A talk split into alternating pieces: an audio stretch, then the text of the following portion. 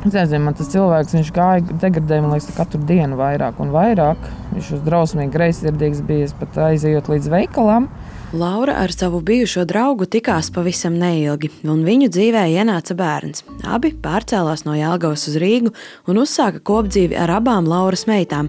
Arī iepriekšējās attiecībās sievietei dzima bērns. Ja godīgi jau tajā dienā mainījās dzīve mums pa 180 grādiem.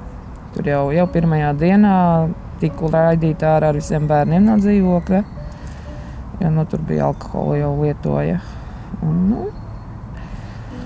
Tad kaut kā bija tas dusmas viņam pārgāja, viņš atrada citu darbu labāku, nu, tad jau bija labāk. Un... Sieviete stāsta, ka drauga dzeršana parasti krietni ievilkās, un vīrietim bijušas agresijas lēkmes, kuru laikā pazemoja gan Lauru, gan viņas vecāko meitu. Pēc pirmās reizes, kad viņš Laurai iesita, sieviete nolēma piedot un attiecības turpināt bērna dēļ, bet tad sekoja otrā reize, un Laura nonāca krīzes centrā. Pēc tam atkal attiecības atjaunoja, bet situācija tikai pasliktinājās. Es zinu, ka es gāju no krīžu centra projām, un vēl vadītāji ar darbiniekiem teica, Laura, nedari to. Viņa saka, tu atgriezīsies pie mums. Tad bija tā viena diena, kad viņš aizgāja, izgāja ārā no mājām. Un pēc kāda laika viņš atnāca atpakaļ draugu, sāka palaist rokas, lai gan virtuvē sēdēja viņa draugs. Viņš pat neiejaucās. Tā es vienkārši paķēru telefonu, izsaucu policiju. Pirmā reize, kad izsaucu, viņš aizmuka no mājām. Viņš atnāca atpakaļ, un es izsaucu otrais to policiju. Vēlāk vīrietis atgriezās un Laura atkal izsauca policiju. Šoreiz likumsargiem izdevās ierasties laikā. Laura devās uz krīzes centru, bet tikmēr vīrieti notiesāja un piesprieda naudas sodu, kā arī aizliedza tuvoties sievietei un viņas bērniem. Par pierādījumiem kalpoja iesaistīto liecības un policijas fiksētais izsaukumu laikā.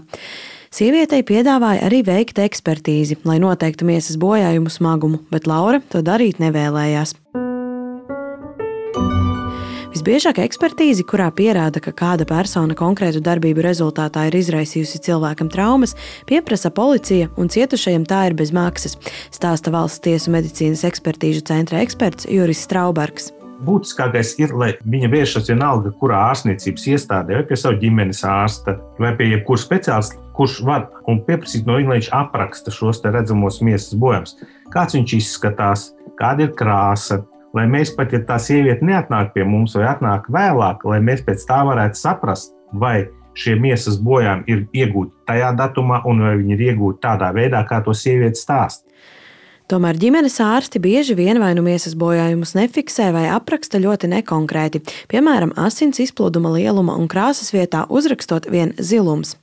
Šādas situācijas tiesu medicīnas ekspertiem ir ikdiena, un tas ļoti apgrūtina darbu. Lauku ģimenes ārstu asociācijā skaidro, ka trūkst vadlīniju ārstiem. Šobrīd pieejamas tikai veselības ministrijas vadlīnijas par rīcību, ja vardarbības pazīmes pamanītas nepilngadīgajiem.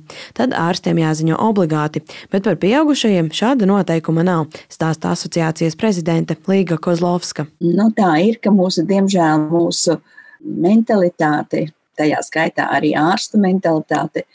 Un es šeit negribētu runāt par profesionālo sagatavotību vai kompetenci, bet tieši šīs mentalitātes dēļ mēs paši bieži neuzdrošināmies uzdot jautājumus, kas varētu aizskart, piemēram, sievietes nodarīto pāri Ārsti atzīst, ka ģimenes ārsts bieži vien ir pirmā uzticības persona sievietēm, kas cieš no vardarbības. Grūtāk pierādāma ir emocionālā vardarbība. Ja cietusī persona iepriekš apmeklējusi psihologu vai psihoterapeitu, tad tikai retos gadījumos konsultācijās secinātais var kalpot kā pierādījums, stāsta Latvijas psihoterapeitu biedrības prezidents Rolands Bortas Čenoks. Mēs nekad eh, nepakļaujam eh, patiesības pārbaudē tos faktus, ko min eh, cilvēks. Protams, ka galējas nepieciešamības gadījumā, protams, klients var mēģināt prasīt no psihoterapeita izziņu par to, nu, ar kādu grūtību un problēmu viņš ir šeit strādājis, lai, lai mēģinātu pierādīt uh, emocionālas vardarbības faktu, bet es teiktu, ka tas ir ļoti slidens ceļš. Bortas Čenoks stāsta, ka labāks pierādījums varētu būt piemēram kāda ģimenes konflikta ieraksts telefonā. Psihoterapeiti vairāk var palīdzēt izglītojot personu un mudinot vērsties tiesības sargājošās iestādēs, un tur personai nozīmēs ekspertīzi, kuru veiks tiesu psihologs.